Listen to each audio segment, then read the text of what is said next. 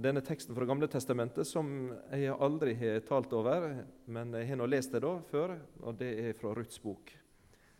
Uh, og sånn at jeg tenkte det, at da har jeg lyst til å bruke de ordene som uh, en uh, tekst for dagen. Det er ei fantastisk flott historie, og den, den, inneholder liksom alt. Både på dramatikk og kjærlighet og, og alt. Og, så det er en veldig spennende historie. Samtidig så gir det noe til oss, og noe å si til oss, tror jeg. Og Det skal jeg prøve å få fram for dere. Eh, en liten bit av det hele bare. Og ifra Ruth sitt liv. Eh, og det handler i stor, stor grad om dette å dele Jesus eh, på sin måte. og Det skal jeg også prøve å peke på. Men da skal vi i starten få lese, høre fra Ruths bok, kapittel 2 Ehm, jeg, jeg, bruker nynorsk her. Jeg vet ikke om du fant noe nynorsk der. er noe det. Men uh, nå er jeg på fjelltun på bibelskolen ennå. Det begynte å bli en del år der. Og der har jeg rett og slett måttet svelge en kamel. Uh, og Det handler om at jeg skifter språk. Uh, og det er ikke engelsk. Det er så utrolig mange som sier at dere underviser vel på engelsk på fjelltun. sier. Men det gjør vi slett ikke. Det er oss snakker norsk som bare det. Og Hvis vi bruker engelsk, så skjønner en, og mange på klassen ikke et kvekk av det heller. Det er, men det er ikke nynorsk. Det er blitt bokmål for min del. Slik at jeg både snakker bokmål og leser bokmål uh, for å gjøre det enklere enn en, uh, dette målet vårt. Men til dere så skal jeg holde på morsmålet mitt, nynorsk. Og Det er fra Ruths bok, kapittel 2, vers 8-11. og Da leser jeg det i Jesu navn. Da sa Boas til Ruth, Hør, datter mi, Gå ikke av stad og sank aks på noen annen åker. Og gå ikke herifra heller, men hold deg til jentene mine her. Sjå etter kvar på åkeren eh, Sjå etter hvar på åkeren skurfolka mine arbeider, og gå etter dei. Eg har båd tjenerne mine at dei ikkje skal komme nær deg. Vert du tyst, så gå bort til krukkene og drikk av det som tjenerne auser opp. Da bøygde hun seg med andletet mot jorda og sa:" Hvorfor har jeg funnet nåde for auga dine, så du tek deg av meg, enda jeg er ein framand? Boas svarer henne, Jeg har hørt om alt det du har gjort mot svigermor di etter at mannen din døde, hvordan du forlet far din og mor di og fedrelandet ditt og drog til eit folk du ikke kjente før. Skal oss be. Himmelske Far, oss takker deg for at Bibelen den er så livsnær og beskriver for oss menneskelivet her, og den beskriver også veldig konkret og tydelig Guds rike, hvordan det blir bygd imellom oss. Takk for at det ikke er noen heltehistorier eller eventyr eller bilder av det, det som ikke er sant, men det er mennesker som har levd, og det er mennesker med sine skrøpeligheter og mangler. Og samtidig så er det mennesker som du brukte og utrusta, som du frelste og elska. Og som møter oss i denne gamle historien fra, fra Israel, to som møtes her, og ber Herre at vi kunne ta lærdom også i gudslivet vårt. Amen. Denne fortellinga som vi leser fra nå, hørte noe fra den har skjedd i Israel, altså, og den har skjedd nærmere bestemt i en by som heter Betlehem. Eh, og Nå kan det hende noen av dere har vært der. Det er eh, knapt noen by, egentlig. Det er vel som ei stor grend eller bygd, på et vis. Men den er, ligger kloss oppi Jerusalem, den store byen. Så det er ikke så veldig langt å reise fra Jerusalem over til Betlehem. Men det er nå for så vidt litt komplisert i dag pga. situasjonen og det politiske. Så når dere prøver det, så vil dere få et sånt sjekkpunkt, altså en, en, port som dere må passere. Uh, og Da vil du oppleve at fra Jerusalem og inn i Betlehem så går det over i det palestinske området i dag. Um, for dere av dere som har vært der, så vil dere se altså at dere kommer opp som regel og, og blir guidet opp til denne gamle fødselskirken, en av de gamle gamle kirkene som er i Israel. På denne plassen der Jesus ble født. Eh, og Hvis du da får gidde å vente, eller har tid til det, så vil du til slutt slippe ned i køa der, ned til dette, denne grotta, eller dette rommet der ned under gulvet, der, der eh, Jesus ble født, da, ifølge tradisjonen. Eh, det minner ikke så veldig mye, tror jeg, om akkurat slik det var for en par tusen år siden. Det er kledde med all slags farger, og der er lys, og der er gull og glitter og alle veier. Så det er ikke så mye igjen av en, en enkelt stall i det hele tatt. Eh, men like ned forbi kirka der er det, er der ei, ei, grotte som er innreda som et lite kapell. Der er det for så vidt litt enklere.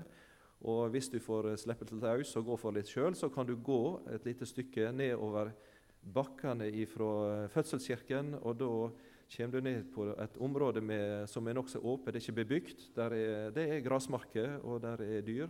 Eh, og Der er det en del grotter som ligger der, eh, som ikke er verken, der er verken gull eller lys. Eh, og der er det nokså skittent og sånt. Og der, er, der, bruker dyra ofte å ta ly, og det er så stort i disse grottene at du, du kan gå rundt inne og kikke og, og, komme ut. Det er veldig spennende, det også. Eh, de markene som ikke er bygde og bebygde i Betlehem, ned forbi fødselskirken, det er Boas marker. Akkurat de samme markene som er nevnt her i denne fortellinga. Så de ligger der omtrent urørt slik som de var på den tida som vi fikk høre om her. Uh, slik at det, det, er nesten slik at du må rive deg løs fra reisefølget ditt for å liksom, få litt tid for deg sjøl nedover der, for å liksom virkelig komme litt tettere på det som var her. Um, nå skal jeg komme tilbake til dette med Betlehem helt til slutt, uh, men det, det, var altså denne byen. det betyr brødhuset, Betlehem. Så det, det tyder vel på at det var nok mat der, og at det var jordbruk, og at det var slik at det var gode forhold å, leve i fra den tida dette, dette, kom. Bakgrunnen for den historien i Det gamle testamentet den minner er vel ikke så mye om Betlehem slik det kanskje var. For brødhuset, det som skjedde der, det var at det første verset i Ruths bok det handla om en, en, en, krise, egentlig. Eh, eller katastrofe, eller hva det måtte være. For i Ruths bok så står det i kapittel 1 vers 1 En dag da dommerne styrde, vart det en gang svolt i landet. Da drog en mann med kona si og de to sønnene sine av stad fra Betlehem i Judea for å slå seg ned i Moablandet i for ei tid. Så det vil si altså at Betlehem, brødhuset, det kom til et punkt da brødet tok slutt. Uh, og det, det, det, var tomt, og det ble svolt. På bokmål så står det 'hungersnød'. Eh, det var kanskje tørke, avlingene slo feil, og det var ingen reserve. og Da gikk lageret tomt. Så måtte de flytte ifra plassen sin. Så Starten på denne Ruths historie den eh, er egentlig ei krise i livet. Det er en, en hungersnød, det er en naturkatastrofe på et eller annet vis som gjør at denne familien bryter opp fra Betlehem og reiser østover, inn i det som nå er Jordan og blir boende hos eh, dette folket, eh, hos moabittene, som er nabofolk til Israel.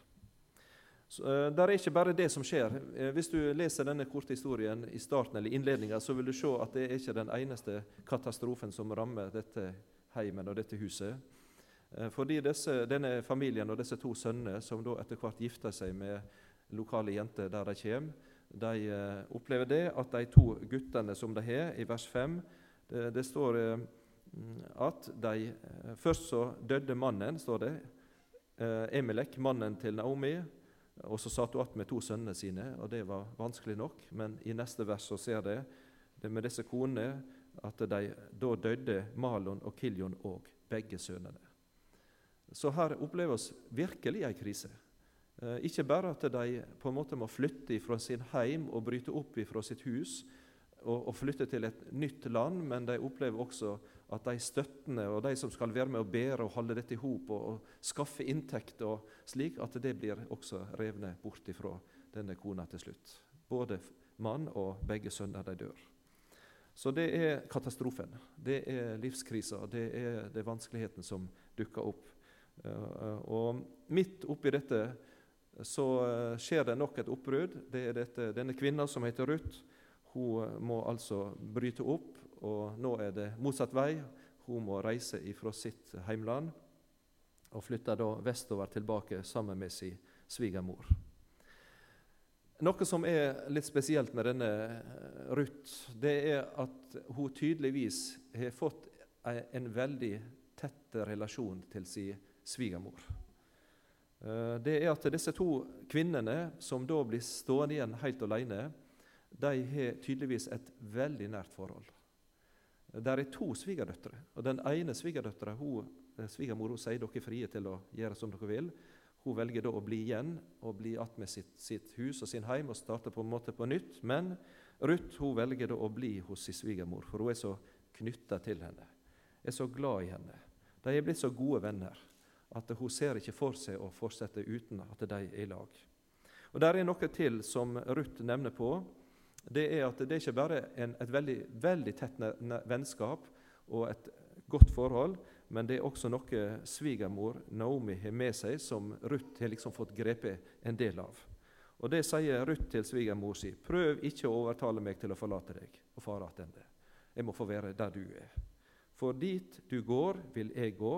Der du slår deg til, vil jeg slå meg til. Ditt folk er mitt folk, og din Gud er min Gud. Det er tydelig at svigermor og svigerdatter har på en måte delt mer enn en, en, en heim. Har, eh, svigermor har på en måte formidla sin tru på Bibelens Gud til henne. Og Det har slått rot i hjertet til Ruth, slik at hun har fått en tillit og en, en tru på Gud. Og så vet hun det, at det blir veldig vanskelig for meg å overleve. Altså ikke på mat, men når det gjelder trua mi, hvis jeg skal bli igjen til Moab alene. Moabittene det var et hedensk folkeslag som bodde i, Jordan, i øst for Israel. Og Hvis du leser Israels historie, så vil du se at det er ofte stor konflikt og fiendskap mellom folkeslagene der. Mellom Israel, Guds folk, og moabittene eh, og edomittene, som ligger i øst. Dette er egentlig etterkommere etter Lot, den han som dere kjenner som var med Abraham. ikke sant? Eh, og så er det slik at dette, Denne slekta de eh, gifte seg med ulike folkeslag, og de glemte Bibelens Gud, og så ble de en motstander og et fiendtlig innstilling til Israel og den Gud som de hadde. De hadde mange mange guder og tempel og avguder som de tilba og ofra til på ulike vis. Og Der var altså Ruth voksen opp. Og så var det konflikt. Det var vanskeligheter. Nå er det noe ved denne Ruths historie som minner litt om Norge i dag og om Rogaland. Og Det er dette med folkevandring og flytting.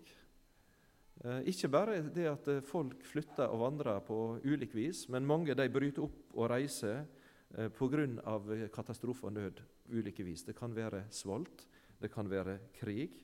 Og De ser oss at de står i dag ved dørene våre eh, pga. ulike vanskeligheter. Hvordan skal en takle det? Hvordan skal en møte det?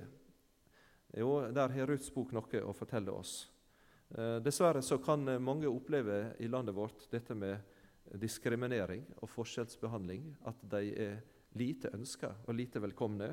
Det kan være de som tenker at det er de og oss, eh, og at det er slik forskjell på kultur og på tru og alt at her må en prøve å sette grenser og stenge ute. En kan ikke være i hop. Min egen tru Jeg av og til tenker tilbake på mitt eh, eget liv. Så ser jeg at de, Gud sendte i mitt liv eh, noen enkeltpersoner som fikk veldig, veldig stor betydning. En av de som har, hadde aller mest betydning, og som har jeg ikke hatt så mye kontakt senere år, men det er et søskenbarn som jeg hadde eh, da jeg var 14 år gammel, altså tenåring da, nokså ung så begynte han å komme hjem til oss. Eh, han bodde ikke så kjempelangt unna, eh, bare noen kilometer i grenda der. Eh, han var 13 år. Og så begynte han å si at Jan Helge, nå, nå skal vi være i lag. På Jan sier de 'Vil du ha lag?' sier de. Ikke sant? Det at du har lyst til å leke eller du har lyst til å finne på ting eller skal gjøre noe. Og ikke bare sa han det at det skal ha lag, mm, men det var at han sa 'Vil du være med meg til bedehuset?' til ungdomsarbeidet, ungdomsmøtet, hva det måtte være. Eh, jeg, hadde ikke så lyst til det, og jeg hadde ikke egentlig vokst opp med det i min heim. Eh, og var ikke vant med det. Og jeg følte ikke det var så veldig inderlig, det. Så det, han måtte faktisk holde på en stund og maste en stund. Det var ikke slik at jeg sa ja, dette her er kjempekjekt fra første øyeblikk, men det, det tok litt tid. Men eh, til slutt så, eh, så, ga jeg meg og ble med. Eh, og ble med han på ungdomsmøte helg etter helg. Det var starten på mitt gudsliv, faktisk. Det var der jeg, på en måte fikk min kristne bekjennelse.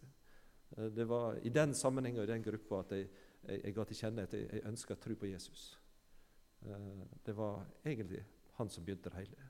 En, en litt sånn venn, vennskapelig relasjon. En som ikke helt ga meg opp på. Selv om jeg var litt sånn negativ, så holdt han på, han holdt ut og tok han med med. Eh, det var det han hadde på hjertet. Naomi, denne kvinna, nei, Ruth, denne kvinna her, hun opplever noe med eh, en som heter Boas her.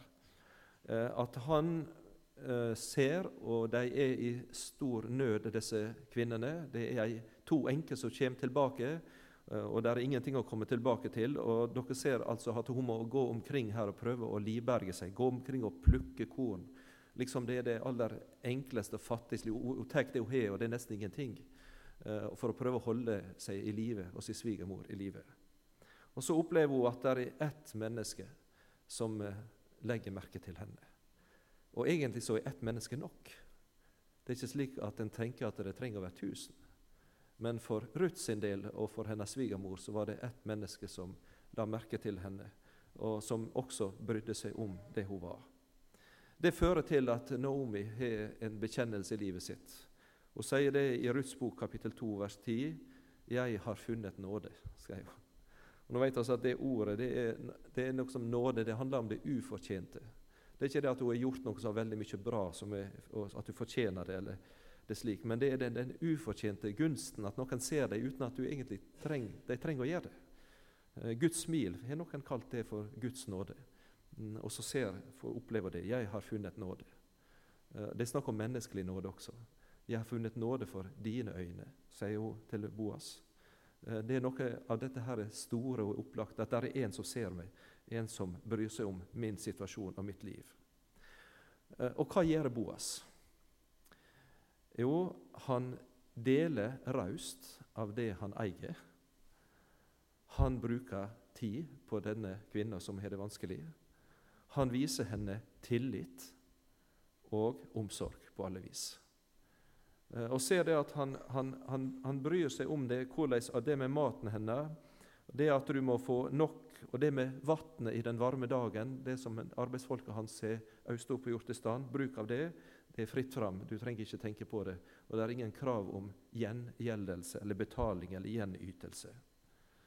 Uh, og Naomi hun gir uttrykk for i etterkant hvordan hun opplevde denne omsorgen fra Boas. For uh, du vil se at, i, at, Boas nevner på dette å komme hit til oss. Det handler ikke bare om mennesket, men han sier uh, til henne, Ruth, når du er kommet for å søke liv under hans venger. Altså her er Gud på en måte til stede. Og Så sier Naomi i vers 13.: «Eh, La meg finne nåde for øynene dine, Herre. Du har trøysta meg og taler vennlig til tjenestejenta di, enda jeg ikke engang er som ei av de kvinnene som er i tjeneste hjå deg. Her nevner hun på noe av det som har gjort stort inntrykk på henne, og virkelig har liksom nådd inn til hjertet. Det er ord til trøst og hjelp, og det er vennlige ord. Det sier Ruth har vært til stor hjelp for henne. Enda hun på en måte ikke hører til, enda hun ikke er en del av dem, så har han likevel gjort det. Uh, og Så ser vi at i tillegg så går Boas et hakk lenger. Ikke bare at han slipper, sier at det er greit du kan få sanke mat her, og det er greit du kan få drikke av det vannet som oss har her. Men i vers 14 så sier han da tida var kommet for å holde måltid, sa Boas til henne, kom hit og et av brødet og dypp stykket ditt i vineddiken. Så her inviterer altså Boas denne kvinna, Ruth, inn til sin heim og arbeidsfolk og sier her skal du få spise og gi det du trenger. Det er ganske enkle ting man sier. Det er ikke noen sånne kompliserte fiksfaks som liksom sånn, jeg lurer på hva jeg skal finne på. Jeg lurer på hvordan jeg skal løse det problemet her. Nei, han taler vennlige ord. Han bruker tid og ser et menneske. Han tilbyr altså å hjelpe til med alminnelige behov når det gjelder vann, og han gir måltid og mat. Jeg regner med det er ting som dere sjøl innbefatter dere med i det daglige liv som dere har. Det er ikke noe som dere sier 'det angår ikke meg', eller 'det, det har ikke mer'. Det er dette med måltidet, og det er dette med maten, og det med omsorgen. Hva kan jeg gjøre? Boas ja, han levde i en annen tid. Hva kan jeg gjøre?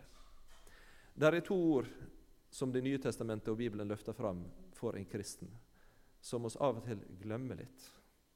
Kanskje sier du at jeg er ikke så veldig sånn flink til å tale, og er ingen stor teolog, og jeg er ikke så flink til å argumentere for mitt tru. Men når Bibelen snakker om kristenlivet, så er det egentlig to nøkkelord som jeg tror alle dere kan. Og Det ene ordet det er vennlighet. Eh, og det andre ordet det er gjestfrihet. Høres det vanskelig ut? Det er veldig enkelt. Det er vennlige ord. Og I Det nye testamentet så vil du finne flere ord som er knytta til slike ting. Der eh, apostelen Paulus formaner de kristne eh, til å være vennlige i orda. Dere vet, De kristne er ikke alltid det heller. Men det er veldig, det ordet, hvordan en sier dem, og, og, og, og, tonefallet som ligger bak det, det er ikke uten betydning. Jeg skal lese et eh, par ord om det fra Kolossebrevet 4,6. Der står det:" Lat alltid talen dykkar være vennlig, men krydra med salt, så de veit hva de skal svare hver og en. Altså det, er, det er at en, en, en, skal være vennlig og ha kjærlighet bak ordene sine. Uh, Timoteus får også en formaning i 2. Timoteus brev kapittel 2, vers 24. Der sier han en Herrens tjener må ikke ligge i strid, men være vennlig mot alle. Eh, så dette ordet vennlighet det er et ideal for en kristen, også i hverdagen. Eh, hvis du går til Det gamle testamentet, så vil du finne at det er en av disse som virkelig er et forbilde for oss i Første Mosebok, og det er Josef. Ingen er vel så Kristus-lik i Det gamle testamentet nesten som han, i, i, mange mange ledd.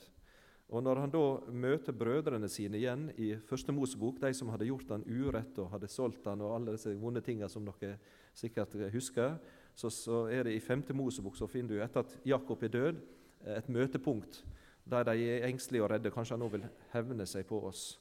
Men eh, tvert imot så vil du se at Josef han taler veldig vennlig til dem. Eh, og Han sier det i 1. Mosebok 50, vers 19. Da sa Josef til dem, 'Vær ikke redde'. Og i vers 21.: Vær ikke redde. Jeg vil ha omsut for dykk og barna dykkar. Og han trøster dem og taler vennlig til dem, til sine brødre som hadde gjort det så mye vondt. Og Hvis du tenker på hvordan er Gud ja, I Det gamle testamentet så møter han også Guds folk på den måten. Hvis du leser Jesajas kapittel 40 eh, fra profetboka, så vil du finne de ordene at det er faktisk noe som preger Gud. Det er ikke bare en formaning til oss, men uh, han møter oss der i disse ordene. Trøyste, trøyste folket mitt, sier dykkar Gud. Tal vennlig til Jerusalem. Ropa til henne at striden er endt at skyld er betalt, at hun av Herrens hånd har fått dobbelt for alle syndene sine. Vennlighet. Så er det det andre ordet. Det er gjestfrihet. For vennligheten den handler på en måte om det å se et menneske og si noen fine ord til det, men den praktiske biten av det, det er mer knytta til gjestfrihet. Det er praktisk handling der en ikke bare tenker, men en, en også viser at en gjerne vil dele sitt. Og der har dere som sitter i misjonssalen, så er det mye å dele. Dere har så store hus, og så mye mat, og så god økonomi, at det er mange ting dere kan dele når det gjelder det. Og eh, Paulus han sier også det som at eh, i Romerbrevet kapittel 12 dere må legge vind på gjestfriheten, sier han. Og Spesielt er det et fint ord til oss fra Hebreabrevet kapittel 13, der dette med gjestfriheten blir løfta fram. Og Det gir oss et litt sånn stort perspektiv over det. Gløym ikke gjestmilde, står det i Hebreabrevet kapittel 13, 2. For ved den har somme hatt engler som gjester uten å vite om det. Gjestfriheten. Og Det handler om noe så enkelt som å åpne døra til huset sitt og invitere andre mennesker hjem til der du bor, til heimen din og dele det du har der. Det er egentlig det det er snakk om. Gjestfrihet. Der er noe ved Jesus som er knytta til dette. Eh, hvis dere husker Jesus i Nytestamentet, så står han fram og så roper han ut til folket han er livsens brød. Det er det du spiser, ikke sant? Det er maten din. Og han sier til kvinna ved Sykars brønn, han er det levende vannet. Det er det du drikker, ikke sant? Som når du er tyst. Og han er verdens lys. Lyset det handler ikke bare om ei, ei, lampe som du slår på ei pære, men det handler om en flamme som lyser. Så det er både lyset som du ser, og det er varmen som det gir. Dette er et bilde fra Guds hus i tabernakelet i teltet. Hvis du går inn der, så ligger altså på venstre side de sjuarma lysestakene, denne store, med de sju brennende lys. Og på høyre side så ligger skuebrødet, tolv som du spiser. Og på utsida der er vannet i havet, dette karet som du blir bada inn. Og så framme så ligger røykelseskaret med bønnene som stiger. Alle disse tingene er i Guds hus. Både med vannet og med brødet og lyset. Det er en del av Guds heim, slik som Gud, der Gud bor. I tabernaklet og i tempelet seinere. Og når Guds rike skal forkynnes i Det nye testamentet, hvordan bruker Jesus det? Jo, han skriver Guds rike akkurat som et måltid. Det er som et bryllup, som en fest der han sier alt er forberedt. Gjør kalven slakta, kom og spis, ha fellesskap. Eller når Jesus i åpenbaringsboka sier han står for døra, vel inn, så vil han ha ete med oss, ha nattverd med oss, måltid. Ser dere hvordan disse tingene blir brukt som et bilde på Guds rike, der Gud er? Det er veldig konkrete, nære ting. Så det er Guds rike og det er gudsboligen som vi skal se møte i Bibelen, den skal vi ta med i heimen vår. Så skal vi speile Guds rike inn i heimen vår i den varme og det lys, og i det brød som vi spiser, og det vann, det som vi gir å drikke. For der er Kristus i en kristen heim. I går kveld så var vi på et måltid og spiste syrisk mat for første gang. Eh, det er et ektepar som er kommet til vår bygd, eh, en flere, etter flere. Eh, og Det er Elisa som ble, først ble kjent med dem, og altså, etter hvert utvikla litt sånn at de, har vært hjemme til oss. og I går så var vi hjemme og spiste. Og jeg må si bordet det bugner av mat. Jeg tror ikke vi klarte å spise opp en fjerdedel av det som var dekka på i bordet til oss i går. Det var fulle fat. Eh, og oss måtte spørre dem spiser dere slik til daglig. Nei, nei, nei, nei. Det er fest, sa de. Å, herre, kanskje litt av det og litt av det, men nå er dere her. Og så var det fest. Og det var fulle fat. Og det var kjempegodt. Det må jeg si. Og Det var noe av dette fellesskapet, denne omsorgen, som de på en måte ville vise oss. Nå var de flykta fra krig til oss, men de ville vise oss dette. Det var en veldig fin kveld, jeg må si det. Og jeg håper at vi får mange slike framover med dem. Men de fortalte dette ekteparet, nokså ungt ektepar, at i blokka der vi bor, så har vi blitt kjent med ei dame, ei norsk dame, ei enke, på over 80 år. Hver torsdag ettermiddag så kommer hun til oss og hjelper oss med det norske språk. Hun er lærer og pensjonist, over 80 år. Hun har ikke bodd i bygda vår så veldig lenge, for hun flytta, kom dit, men hun bruker tid på oss. Det snakket, de kaller henne for bestemor, den gamle dama. Ser dere noe av det veldig enkle? Hun er pensjonert lærer og har sikkert undervist i norsk tidligere. Men nå har hun noen naboer i en noen etasje under, og så bruker hun hver torsdag så kommer hun, og så har hun fellesskap med dem. Og Så så vi en ting til i leiligheten til dette syriske ekteparet. På bordet eh, i salongen deres så lå det en sånn hekleduk. Og Elisa spurte kan du hekle, sa hun. Det er det bestemor, sa hun. Hun har laga duk til oss. Og I inngangsdøra så var det et sånt smalt, langt vindu, og der var det en sånn heklebrikke som liksom var festa over vinduet. Er det bestemor, sa de, som liksom har gitt oss den. Ser dere? Hun bruker av sin tid, og så gir hun. Det kan dere. Ingen av dere som sitter her og ikke sier at jeg kan noe av dette. Og det gjør inntrykk å møte det. Ehm, så til slutt, nå er tida mi omme, men eh, det fikk store konsekvenser. Boas han, eh, ikke bare at han så denne enka, men eh, nå er dette, det er litt med den israelske tradisjonen, dette med enkeslekt og ansvaret for for den, men Boas han var en fjern slektning, og han gifta seg til slutt med Ruth. Eh, og Det som er litt artig, hvis du ser det i det lange perspektiv, at når Matteus evangelisten skal skrive slektstreet til Jesus i Matteus kapittel 1, hvem er det som dukker opp? Jo, det er Ruth og Boas. Så altså dette, dette, forholdet mellom denne fremmede Ruth og Boas med Boasmarkene sine, det førte faktisk bl.a. til Kristus til slutt. I dette bibelske slektstreet som, som dukka opp. Til Jesus. Det er en rød tråd gjennom Bibelen. Det er Messias, Jesus, fra Det gamle testamentet og Det nye testamentet. Det vet dere. Så er det en rød tråd til, og det er at Gud vil ha fellesskap med oss. Ikke bare med Israel og Abrahams ett, men med alle folkeslag. Så Ruth og det som skjedde med Ruth, det er et vitnesbyrd om Guds frelsesvilje til oss, alle folkeslagene. Han vil at alle mennesker skal bli frelst og lære sanninga kjenne, sier han til Timoteus. Og så ble Boas også en ting til, men det rekker ikke jeg ta med. Han ble noe som ble kalt for en gjenløser. Men denne enka som hadde mista sin mann, når han gifta seg med henne, så var han på en måte en som tok vare på henne og førte hennes slekt videre. Gjenløst det møtes i Nytestamentet i Kristus. Han er vår gjenløser, som kjøper oss løs ifra død, ifra dom og ifra fortapelse, og, og, og fører oss inn, kjøper oss inn til frihet og til Guds rike. I Det nye testamentet så får du i siste boka et sånt blikk framover på det som ennå ikke er sett. Eh, og der eh, vil du se at det er akkurat som en kjempestor fest i åpenbaringsboka kapittel 7. De er samla, står det, i, i store, denne flokken der av alle nasjoner. og Språk og tungemål, står det. Eh, det blir spennende å se om eh, en, en, Der er syrere med. Jeg tror det. Og det blir spennende å se om det er syrere som kom til Norge, som får bli med også i den flokken. Jeg håper det. Eh, og disse andre nasjonalitetene.